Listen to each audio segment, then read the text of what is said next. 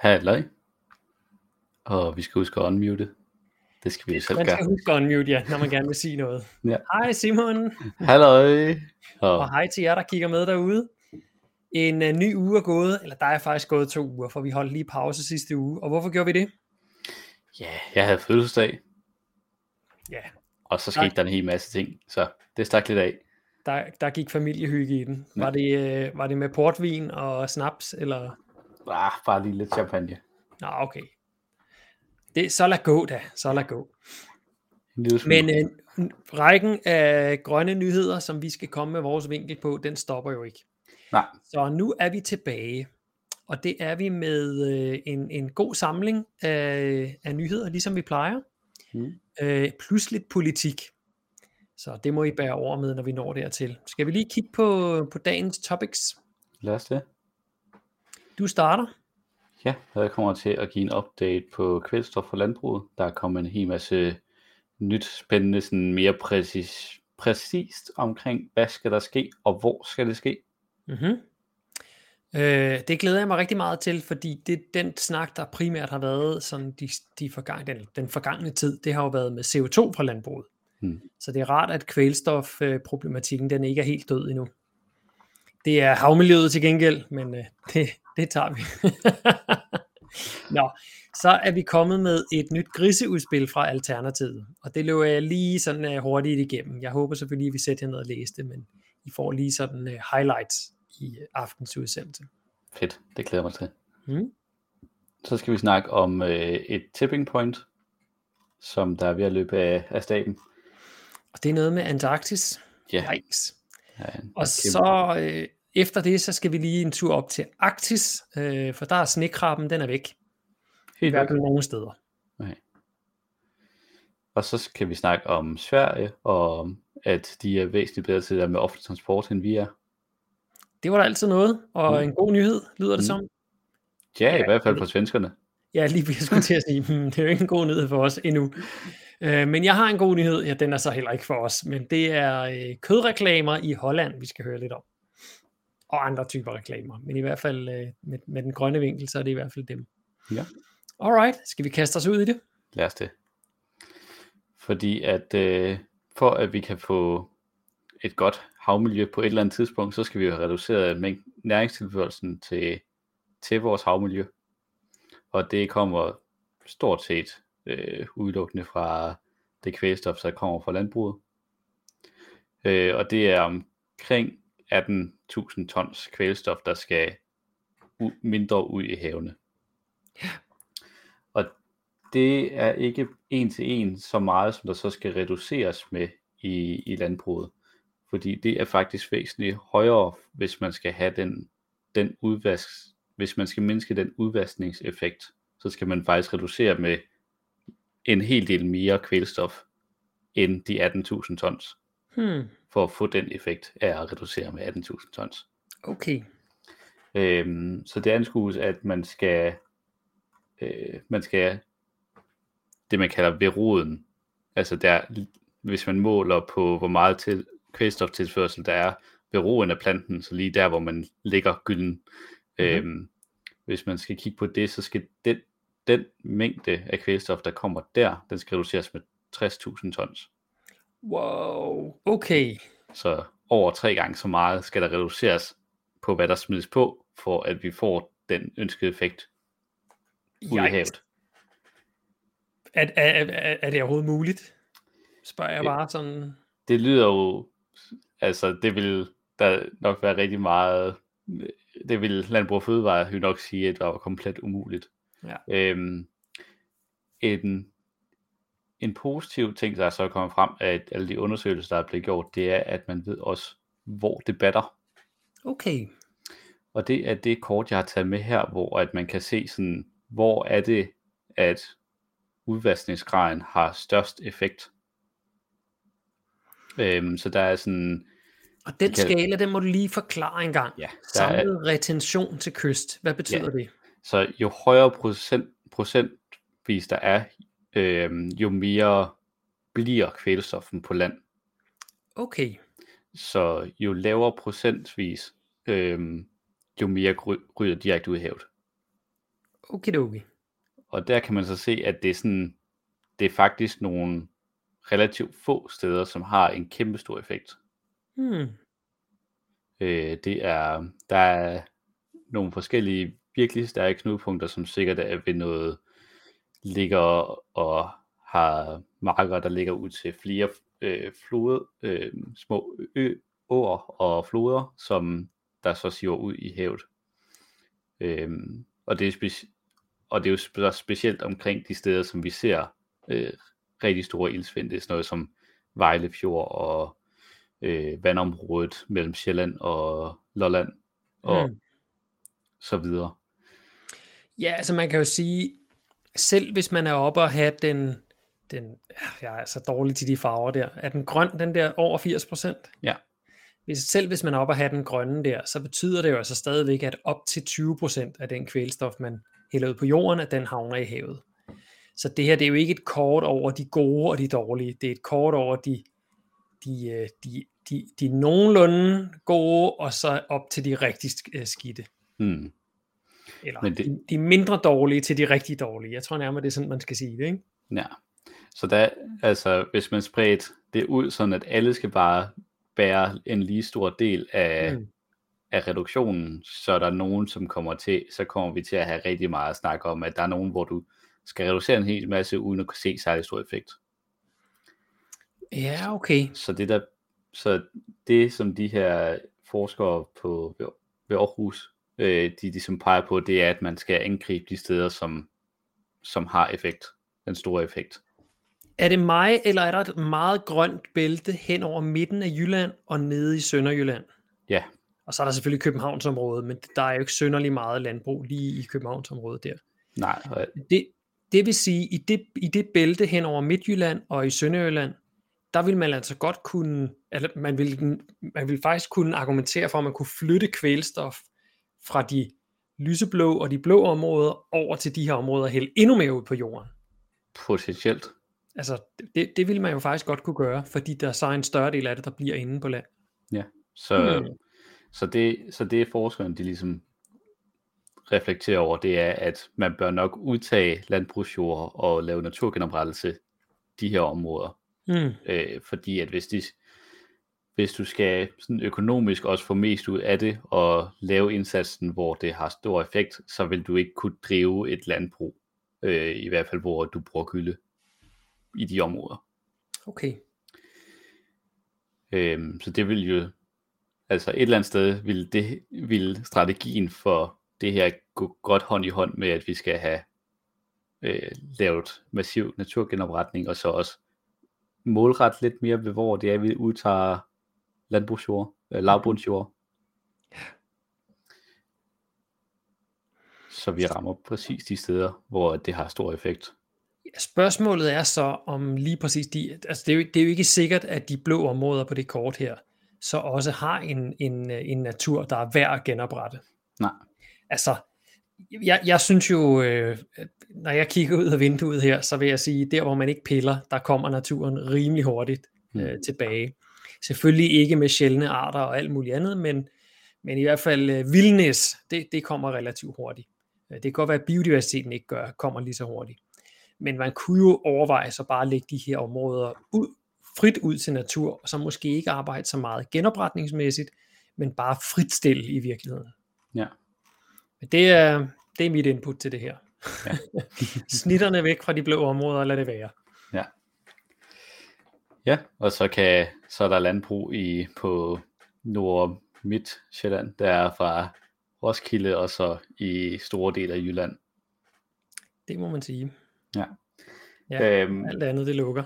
Ja, og så er der også lige i den her, øhm, den her udmelding for, for forskerne, de har så også lige fanget, at der er en ny update på, hvordan det går med lavbundsjordene. Mm-hmm. Øh, og der er faktisk kommet en øh, næsten tredobling. Wow, lad mig, lige, lad mig lige prøve at memorisere her. Sidst vi snakkede, der skulle udtages, var det 70.000? 100.000. 100.000. Og sidst vi snakkede om det, der mener jeg, det var 700, man havde nået. Nej, det var 187. 187. Ej, jeg var helt, helt ved siden af det her jo. 187. Ja. Okay, og hvad er man så op på nu? Jamen der er det, øh, det er lykkedes Naturstyrelsen at oversvømme 345 hektar øh, lavbundsjord i et område, der hedder Stor Vildmose. Sådan. Så vi er oppe på 532.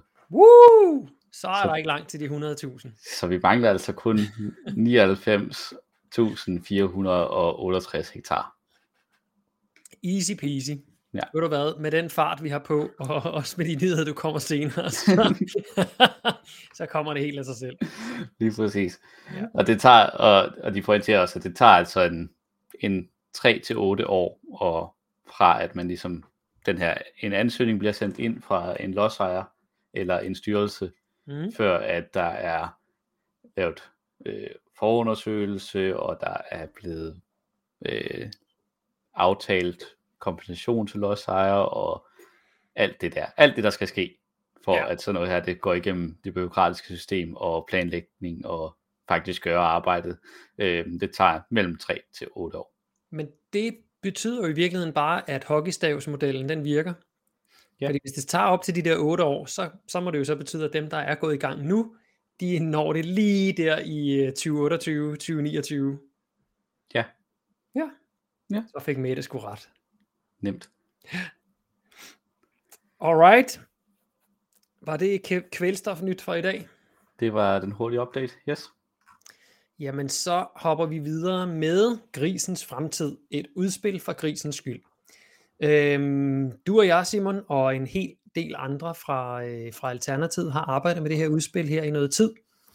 Øhm, og øh, ja, det er jo et, øh, et, et, et udspil, som øh, i underoverskriften, et udspil for grisens skyld, prøver at lave lidt om på måden, man normalt laver politiske udspil. Øhm, altså man kan sige, det typiske udspil, det bliver jo lavet for menneskers skyld. Det, det gør alt politik jo mere eller mindre. Sådan Mm. der, så er vi fuld screen.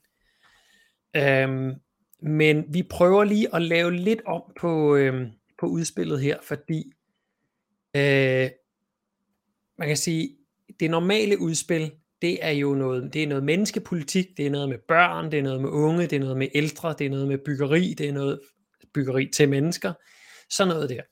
Men øh, jeg synes, at det skulle vi gøre lidt op med i, øh, i Alternativets udspil her, fordi, som vi også skriver i indledningen, øh, som kommer hernede, øh, nu skal vi lige se her, Øh, jeg kan faktisk ikke huske, hvor jeg har skrevet det henne. Jeg sad lige og læste op på det, inden jeg skulle i gang. Øh, nå, skide være med. Ved du hvad, vi kører den fra, fra, fra starten af.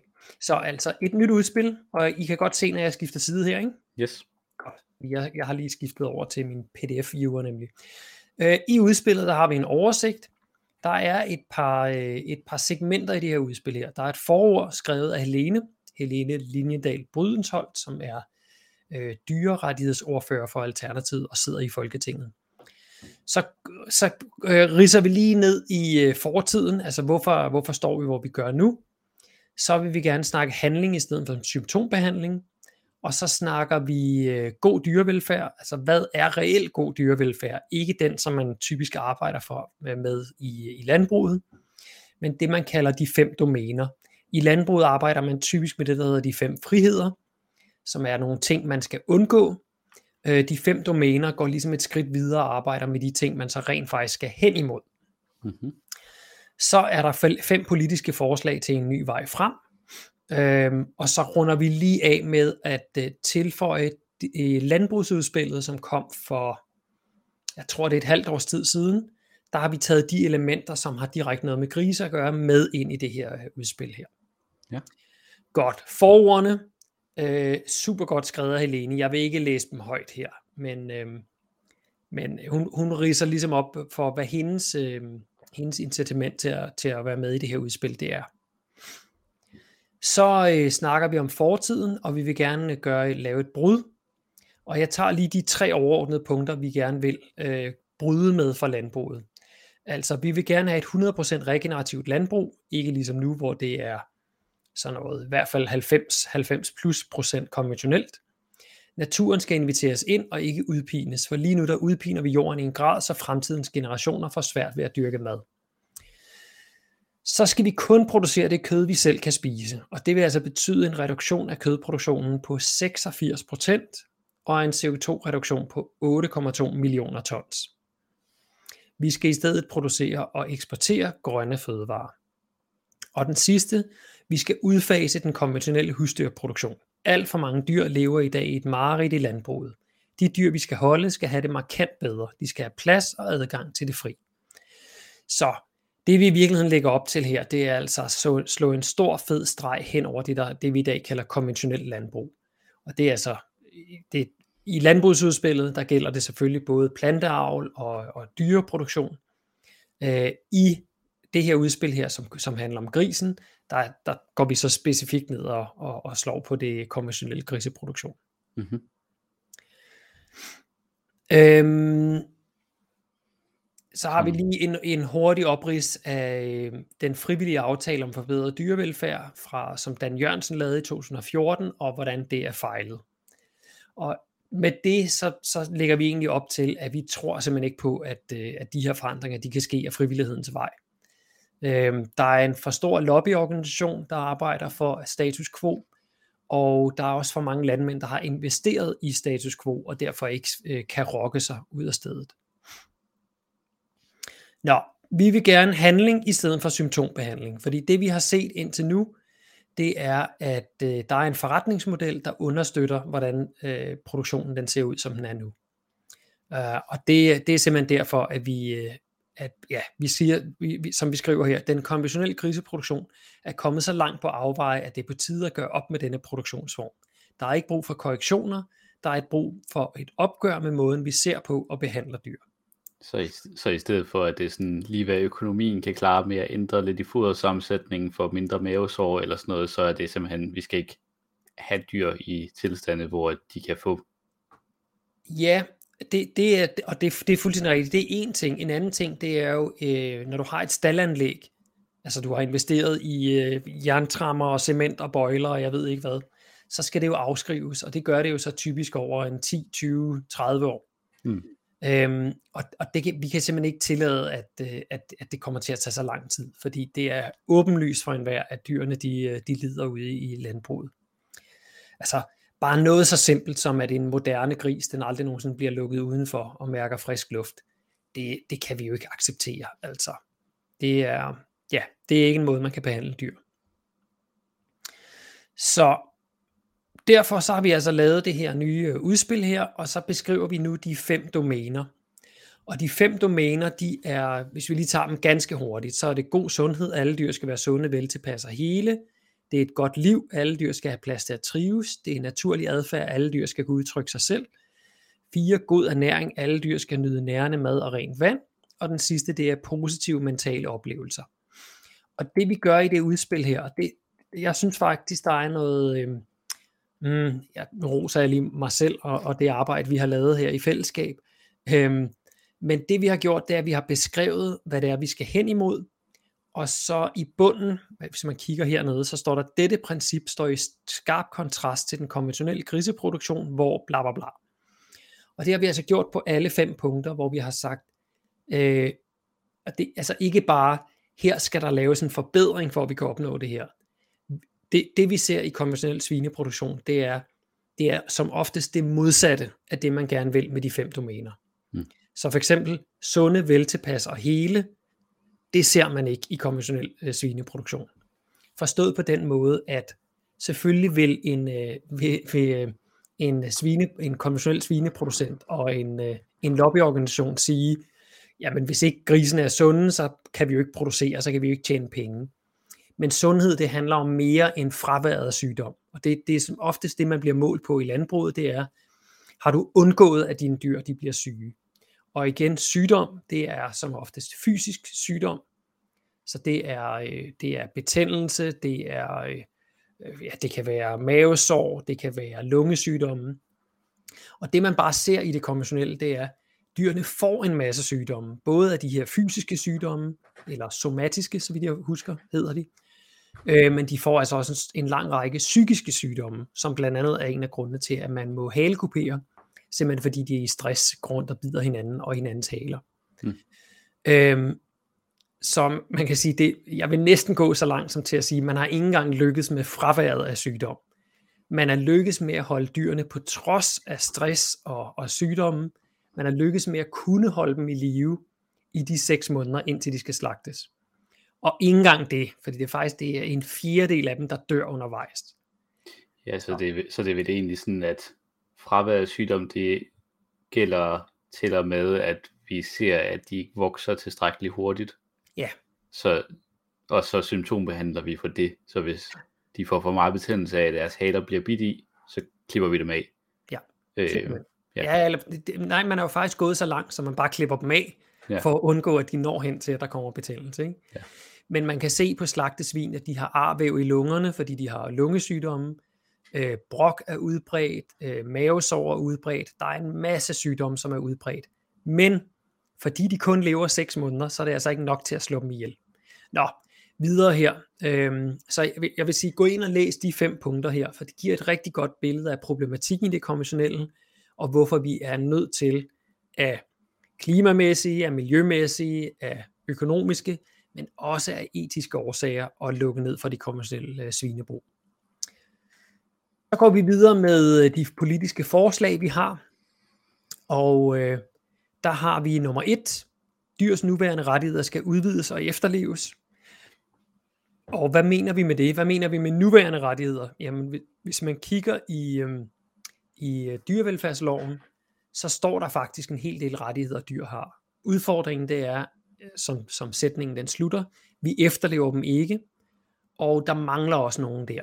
Øhm, så for eksempel retten til, øh, til, til plads, øh, retten til at komme ud i det fri, retten til fri bevægelighed, den findes ikke i dag. Vi har stadig burhøns, og hvis vi går væk fra burhøns, så har vi skrabehøns, som aldrig kommer ud i det fri. Vi har øh, grise, der bliver fastspændt, når de skal øh, til at, at, at, at fare, altså føde, og når de skal til at dige deres unger. Øh, så bredt igennem hele landbruget, der, er, der, der findes frihed ikke. Øh, så det skal vi have introduceret, og det skal i hvert fald ske på grisene. Hmm. Og deraf også nummer to, en udløbsdato på grise i bur så skal vi, øh, det her det kommer til at koste nogle penge, fordi industrien er ikke selv i stand til at lave de, de øh, pågældende forandringer. Og vi har måske heller ikke interessen i det. Øhm, og det har noget med støttekroner og så videre at gøre. Men der skal laves en finanslovspulje til omlægning af konventionelle svinestalle. Så skal vi have kontrol og sanktionering af overtrædelser af dyrevelfærdsloven. Kontrollen i dag den er meget, meget lille. Øhm, jeg er faktisk i tvivl om de 5% øh, stikprøvekontroller, de er blevet opgraderet til 10%. Det sagde Rasmus Prehn, men jeg har svært ved at finde ud af, hvor det står henne, at det reelt er blevet rullet tilbage til 10%. Men hvis det er 10% af alle besætninger, der bliver kontrolleret hvert år, så betyder det altså, at der går 10 år mellem du som svineproducent statistisk bliver ramt af en stikprøvekontrol. Så altså i, i ni år kan du gå og, øh, og have alle mulige forskellige overtrædelser. Og der skulle man så tro, jamen hvad med de øh, dyrlæger, der går ud i stallene? Der kan vi bare se, at der kommer ingen, ingen øh, indrapporteringer fra dem. Men når der så er stikprøvekontrol, så er det øh, lige knap hver tredje grisebesætning, hvor, øh, hvor man simpelthen ikke kan overholde reglerne. Og det, det står ret skarpt i kontrast med, at der stort set ikke er indberetninger fra dyrlægerne, der går derud. Hmm så skal vi have involvering af alle parter i omlægning af griseproduktionen, og det er simpelthen fordi, at Alternativet ikke har 90 mandater. så, så vi er nødt til at få alle interessenter med, og til at forstå øh, alvorsgraden i det her, og at det er noget, der skal gøres. Så har vi taget kort her initiativer fra landbrugsudspillet med, og der står, øh, man kan sige, der er nogle af de ting fra landbrugsudspillet, som er lidt symptombehandling. For eksempel et effektivt stop for halekupering af grise jamen hvis vi fjerner konventionel øh, svineproduktion, så bliver der ikke halekuperet grise mere, fordi så har man simpelthen ikke brug for at gøre det. Det er på grund af pladsmangel og stress, at, øh, at man gør det. Øhm, så nogle af de her ting, det er lidt symptombehandling, men vi har taget dem med, fordi at landbrugsudspillet og nu griseudspillet her bygger rigtig godt oven på hinanden, kan man sige, eller bidrager rigtig godt til hinanden. Øhm, og så har vi lige ganske kort her, hvem har skrevet udspillet, og det er altså Helene, det er øh, undertegnet, øhm, og så er det Fagrådet for Dyrevelfærd, hvor du sidder med, vi har øh, Carsten Nors, og vi har forskellige andre. Og så har vi fået bidrag fra dyrlæge Astrid Rugård øh, Hansen, og forskellige andre fagpersoner. Der er nogen, der gerne vil holde sig apolitiske, så selvom de har bidraget her, så har vi altså udladt øh, deres navn øh, på, øh, på deres øh, request, hvad hedder det, anmodning. Ja. Og det var ganske kort øh, griseudspillet. Gå ind og læs det. Jeg synes selv, det er rigtig, rigtig godt. Øh, det skal jeg jo selvfølgelig synes, når jeg er til at lave det. Men det synes jeg altså. Så Mm. det er, det er værd at tage et kig. Det er fedt. Jeg håber, der kommer til at ske noget, kommer noget debat på baggrund af det. Det gør der. Jeg kan sige, at øh, Radio 24 har ringet til mig, og de vil, de vil øh, have et halvt times debat om griseudspillet her på torsdag. Så det er 8.30 til 9, der skal jeg ind og snakke om griseudspillet. Det Spændende. glæder jeg mig til. Det kan jeg godt forstå. Fedt. Ja, Så jeg bare håbe, at der er nogle af de andre politikere, der lytter. ja, det, ja vi må se. Ja. Og ellers så er det at tage en snak af gangen inde på Christiansborg. Ja. Okay, Og så skal vi en tur til Antarktis. Yes, en stor rejse sydpå, fordi der er øhm, smeltegraden på den vestlige antarktiske isflage. Der er, der er sådan to sektorer af Antarktis, man plejer, man plejer at arbejde med. Der er den Mhm. østlige og den vestlige, og den østlige er kæmpestor øhm, og har ikke så stor en smeltegrad, men den vestlige smelt er væsentligt mindre og smelter væsentligt hurtigere. Er opdelingen af det, hvilken del af Antarktis, der ligger på land, og hvilken del, der, er, der, der ligger på vand, eller hvad? Øh, det er jeg ikke sikker på. Nå, okay. Ja. Men den vestlige er den, der ligger sådan tættest op mod øh, Argen, øh, enden på, eller den sydlige grænse på Sydamerika. Det er egentlig sjovt, at man kan have øst- og vest øh, side Ja. af Antarktis. Ja, det var derfor, jeg tænkte, at jeg må lige præcisere det, fordi Ja. hvad er øst og vest, når du er på Sydpolen? Ja, der burde kun være det sydlige og det nordlige, men det nordlige er så en ring. ja. Ja. ja. ja. Nå, men øhm, der, øh, det vi ser lige nu, det er, at øh, smeltegraden den sker tre gange hurtigere, end den gjorde i det sidste århundrede. Og dens, øh, de projekteringer, man ligesom har gjort for det, det er ud fra, øh, at vi holder os på 1,5 grads målsætningen Mm-hmm.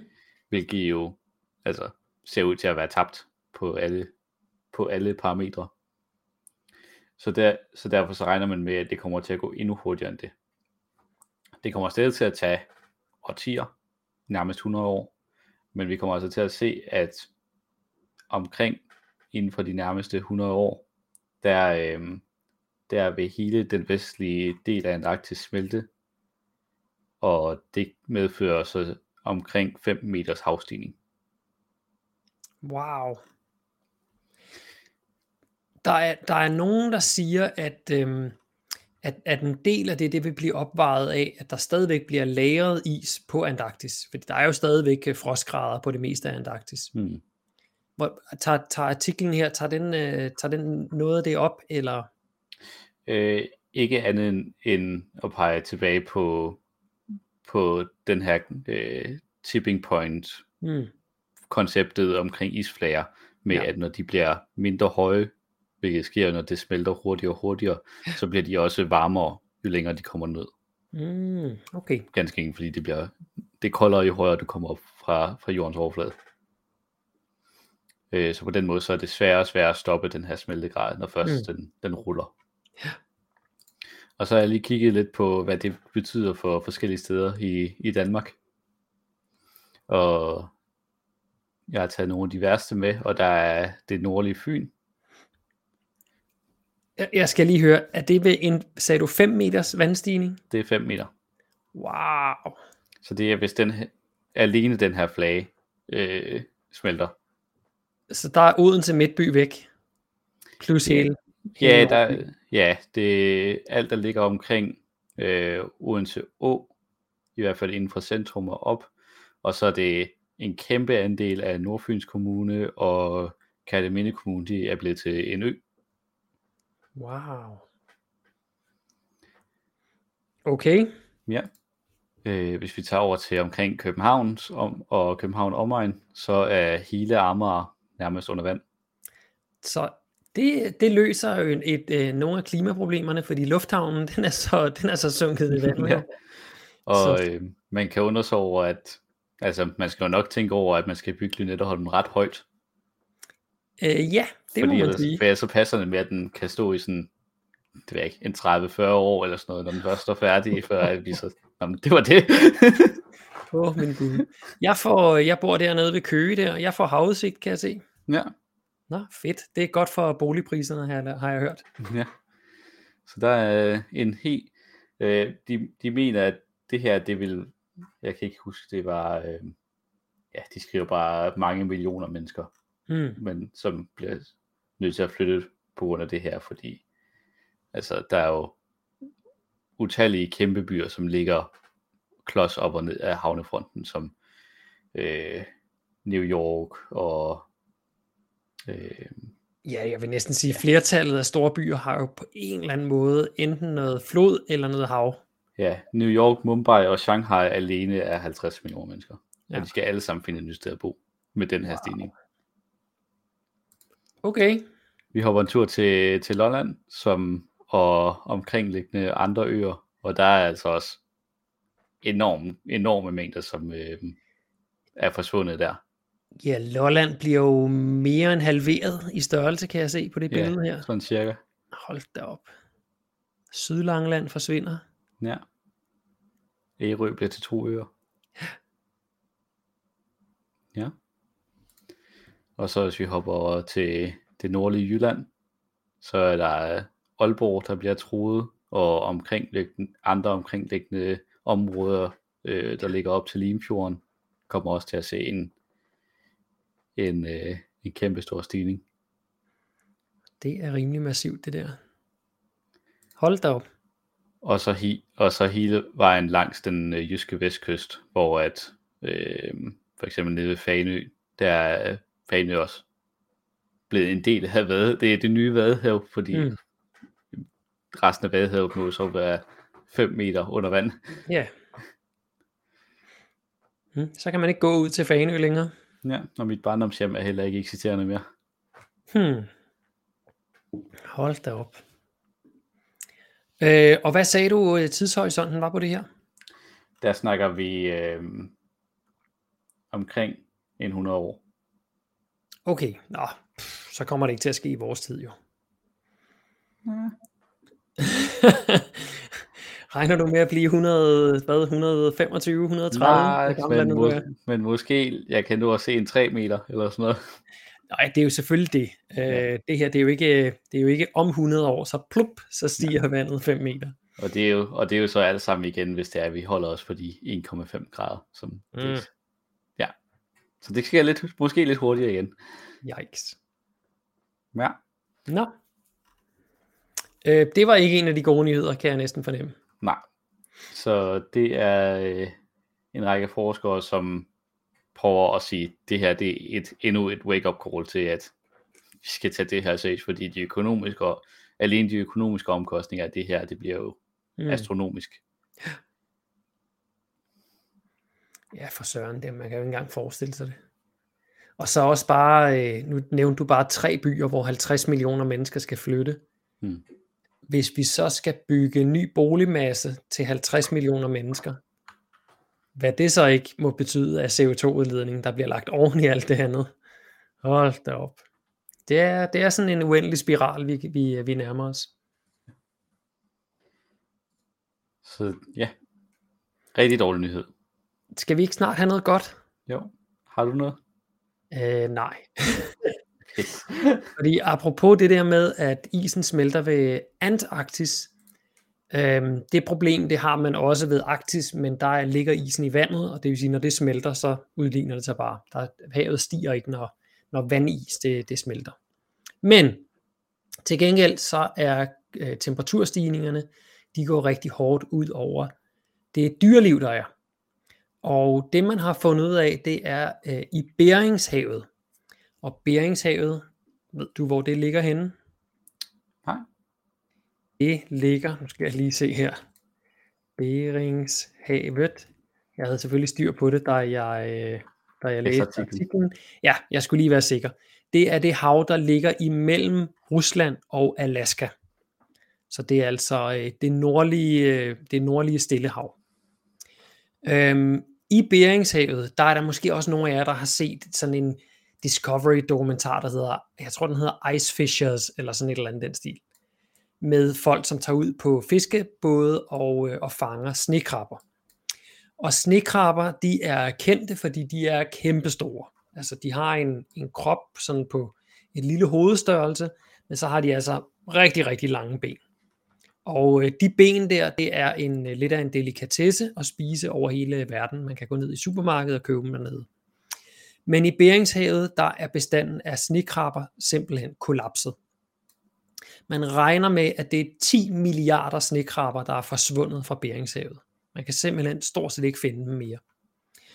Øhm, indtil det kollapsede, der estimerede man, at, øh, at fiskeriet efter de krabber her, det øh, beløb sig op til 1,4 milliarder danske kroner. Wow. Men nu er det slut. Øh, myndighederne i Alaska, de har simpelthen aflyst den her sæsons fiskeri, fordi der ikke er flere krabber derude. 10 milliarder er væk, mener man.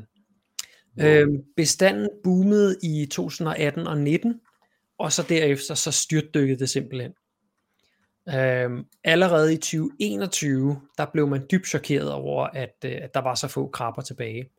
Og så i 22, øh, der var de praktisk taget væk. Og nu har man så i 23 her sagt, vi fisker ikke efter dem mere. Så det er, det er rimelig ekstremt, øh, hvor hurtigt det er gået. Heldigvis så lever øh, snekrabben ikke kun der i Beringshavet. Den lever også ved Grønlands sydspids og øh, ved Newfoundland, som er den del af Canada, der ligger over på den anden side fra, fra, øh, fra Grønland. Og så lever den også i området ud for øh, Nordnorge og Finland, og så hele, hele Nordhavet deroppe over Rusland også. Oh, så vi kan bare fiske nogle andre steder? Ja, ja, den findes andre steder. Men øh, det er så en, en lidt spøjs ting. Det er den udbredelse, der så er kommet de andre steder den er ikke naturlig. Det er faktisk noget, der er sket inden for kort tid. Øh, man mener, at den simpelthen er flyttet med i noget, noget bundvand i nogle skibe eller sådan et eller andet. Øh, mm. Men i Beringshavet, det er altså den, øh, den oprindelige population. Øh, der er flere teorier om, hvorfor krabberne de er øh, forsvundet. Nogle gætter på, at de er flyttet længere nordpå, eller også er der nogen, der gætter på, at øh, altså, man, man er rimelig sikker på, at, øh, at det er temperaturer, der har gjort det. Men, men hvad er det så, der har gjort det ved temperaturerne? Og den ene, det er simpelthen, at de, øh, de simpelthen bare har fulgt det kolde vand længere nordpå. Den anden, det er, at rovfisk, fordi vandet er blevet varmere, så er der kommet rovfisk ind sydfra, øh, som så kunne rykke det op og leve i det nu lidt varmere vand, og så har spist alle krabberne. Dog mener de, at den mest sandsynlige forklaring, det er, at de alle sammen er sultet ihjel. Okay. Og hvorfor det? Er det fordi maden er forsvundet? Nej, det er det ikke. Det er sådan, at krabberne de lever i 2 grader koldt vand. Der er altså, det er 2 grader. Det må virkelig være koldt. Men øh, det man har fundet ud af, det er, at hvis man øger temperaturen, så, øh, så stiger deres stofskifte. Og med de temperaturer, som, øh, som temperatur, eller med de grader, som temperaturen er steget, så alene de få grader øgede deres stofskifte og dermed deres kaloriebehov med næsten fire gange. Wow. Så de skulle altså spise fire gange så meget mad for at holde sig selv i live. Og det, det har der simpelthen ikke været, ja, måske har der ikke engang været tid nok til det, øh, til at de kunne finde al den mad. Så øh, det ser simpelthen ud som om, at de har brændt alle deres kalorier af og er døde af sult. Wow. Ja, rimelig, øh, rimelig nasty i virkeligheden. Så det har været rigtig, rigtig hårdt. Øhm, nu må vi se, flytter fiskeriet til, øh, til Grønland og Newfoundland og til, øh, til, til, til det nordlige Rusland? Eller vil man bare ikke kunne finde snekrabber i øh, supermarkedet længere? Det må vi finde ud af. Det er ret spændende det der med, at man så et boom i 2018. Mm. Det får mig jo næsten at tænke på, at fordi det var lige efter den sidste El Niño, som var i 16, 17. Ja, som det gav mere koldt vand, eller koldt vand i et større område måske. Ja, at den efterfølgende La Nina-periode så lige gav et boost til Mm. populationen, og nu ser vi sådan en linje, så, så bliver de simpelthen skubbet ud af deres oprindelige områder, fordi at ja. basisgraderne er så høje. Simpelthen. Men øh, lidt skræmmende at forestille sig, at, øh, at 10 milliarder snekrabber, de bare er begyndt at overophede og dermed brænde en masse kalorier af, og derfor døde af sult. Ja. Rimelig sindssygt. Så det er altså nogle af følgerne af, af klimaforandringerne, og ja, det går stærkt. Det jeg vil sige, lidt ligesom du snakkede om tipping points, Mm. så har der jo så åbenbart også været et tipping point for krabberne. Altså det er, det, det, det er små håndtag, man skal dreje på, og så kommer der meget, meget store konsekvenser for, for dyreliv, histopist. Det er, jo, det er jo det, man ser på, hvor at, at klima, klimaforandringerne og øh, de biodiversitetskollaps, der er overalt, det hænger rigtig meget sammen, fordi du skal skrue meget lidt på de forskellige livsgivende tandhjul, Mm. for at når man, så at den her art lige pludselig ikke tilpasset til, det, Ja. ja. til de forudsætninger, de nu befinder sig i, og så dør de. De eneste, der kommer til at overleve, det er øh, kakelakker, rotter og mennesker. Ja. Men jeg ved ikke lige, hvem af dem, der kommer ned på, øh, på dybhavet dernede, hvor snekrabberne var.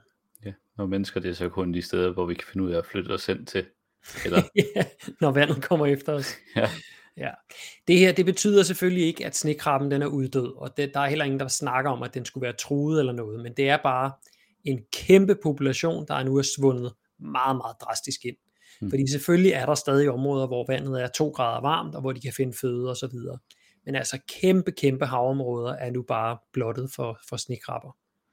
Og så er det jo spændende at se, hvad der så sker, ikke? Øh, kommer der så øh, nogle blæksprutter i stedet for, fordi nu kan de spise den føde, som snekrabben spiste tidligere, eller hvad kommer der til at ske?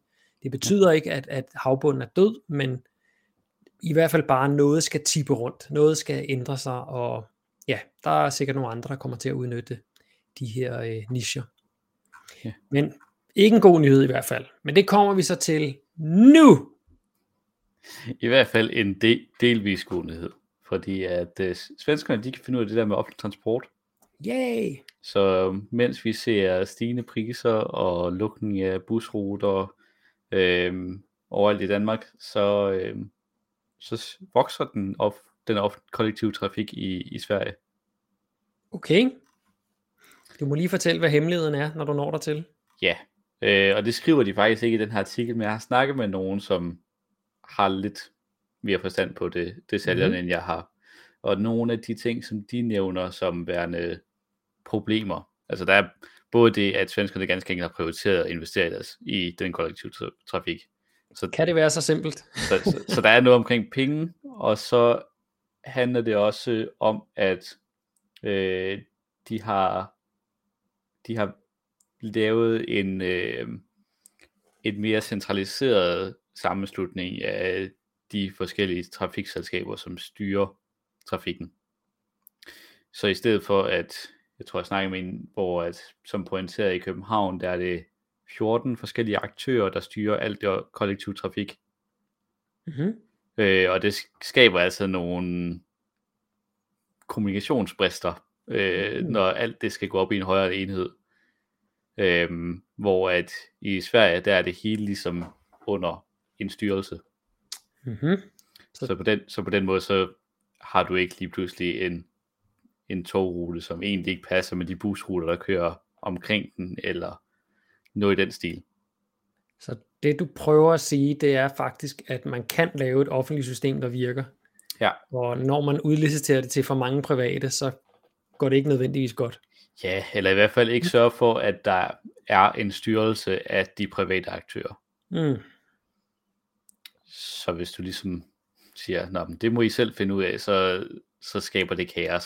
Fordi så er lige pludselig alt for mange, der skal snakke sammen, og så er der ingen, der har det overblik, der skal til for at stykke det smart sammen.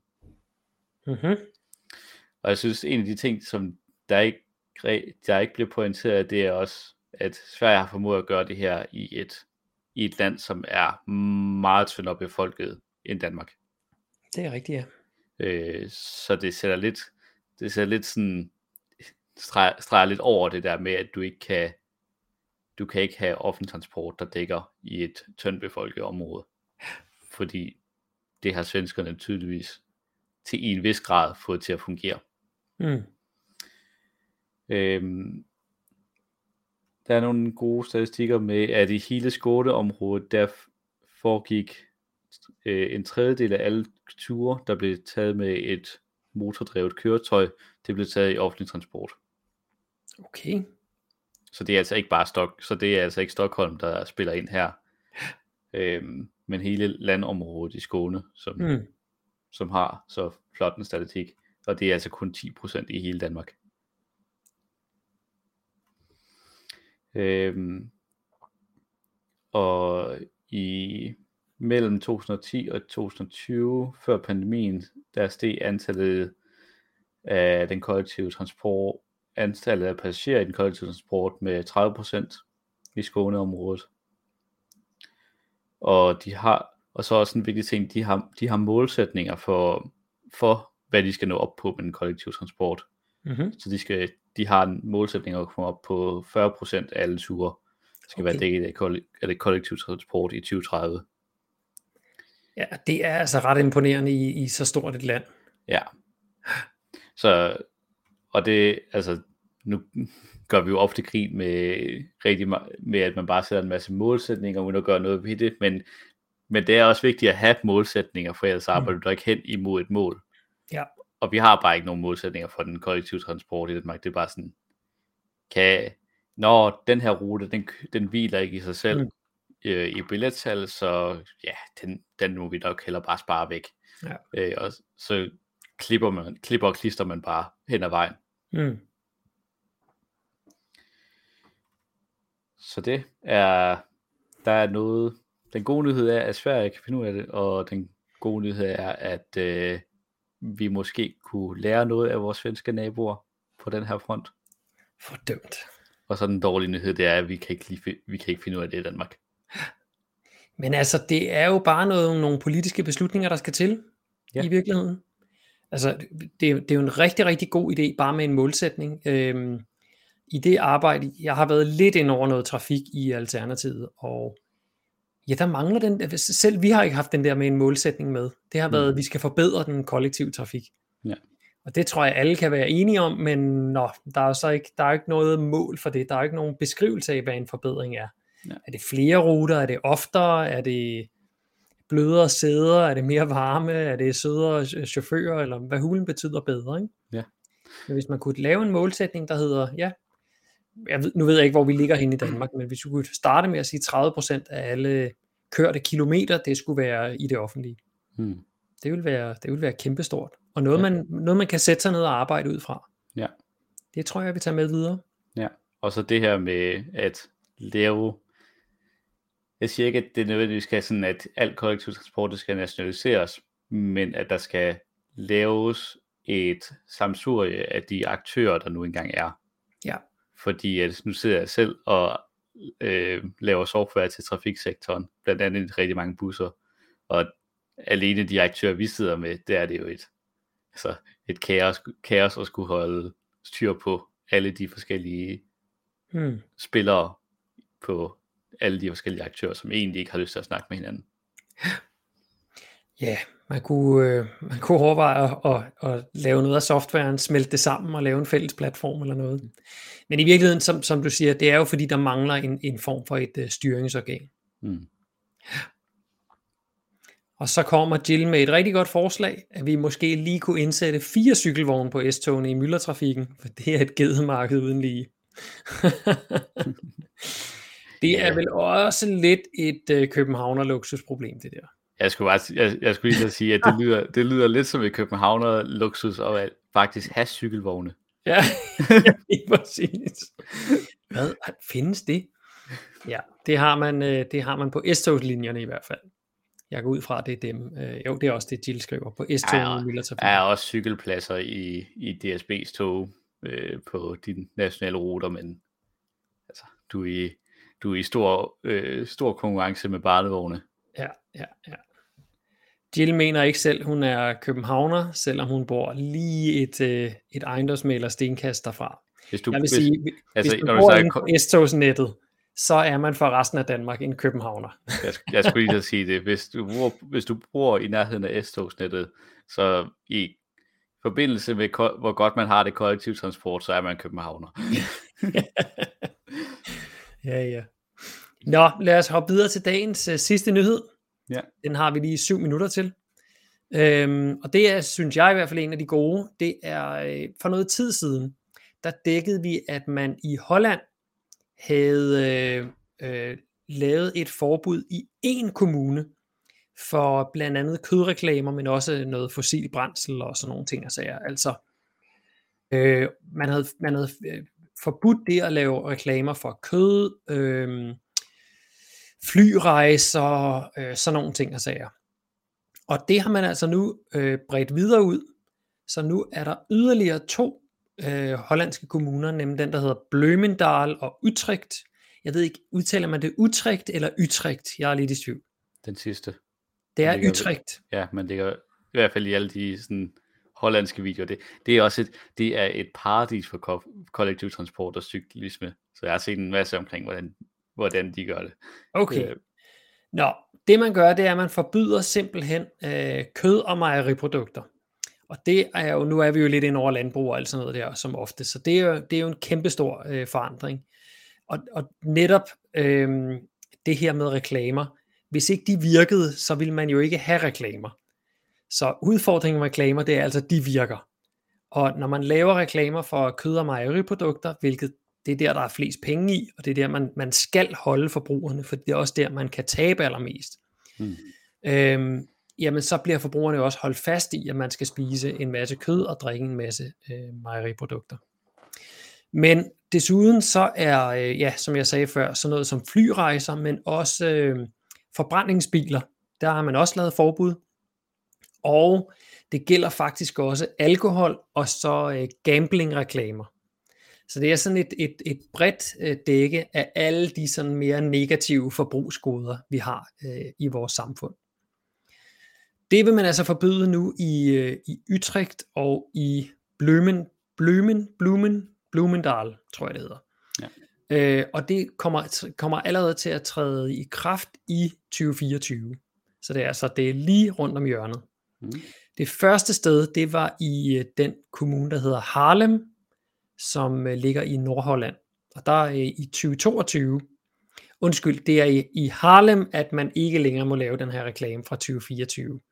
Øhm, jeg kan ikke se her, hvornår det er for de nye to, men det kan være, at man følger trop øh, allerede.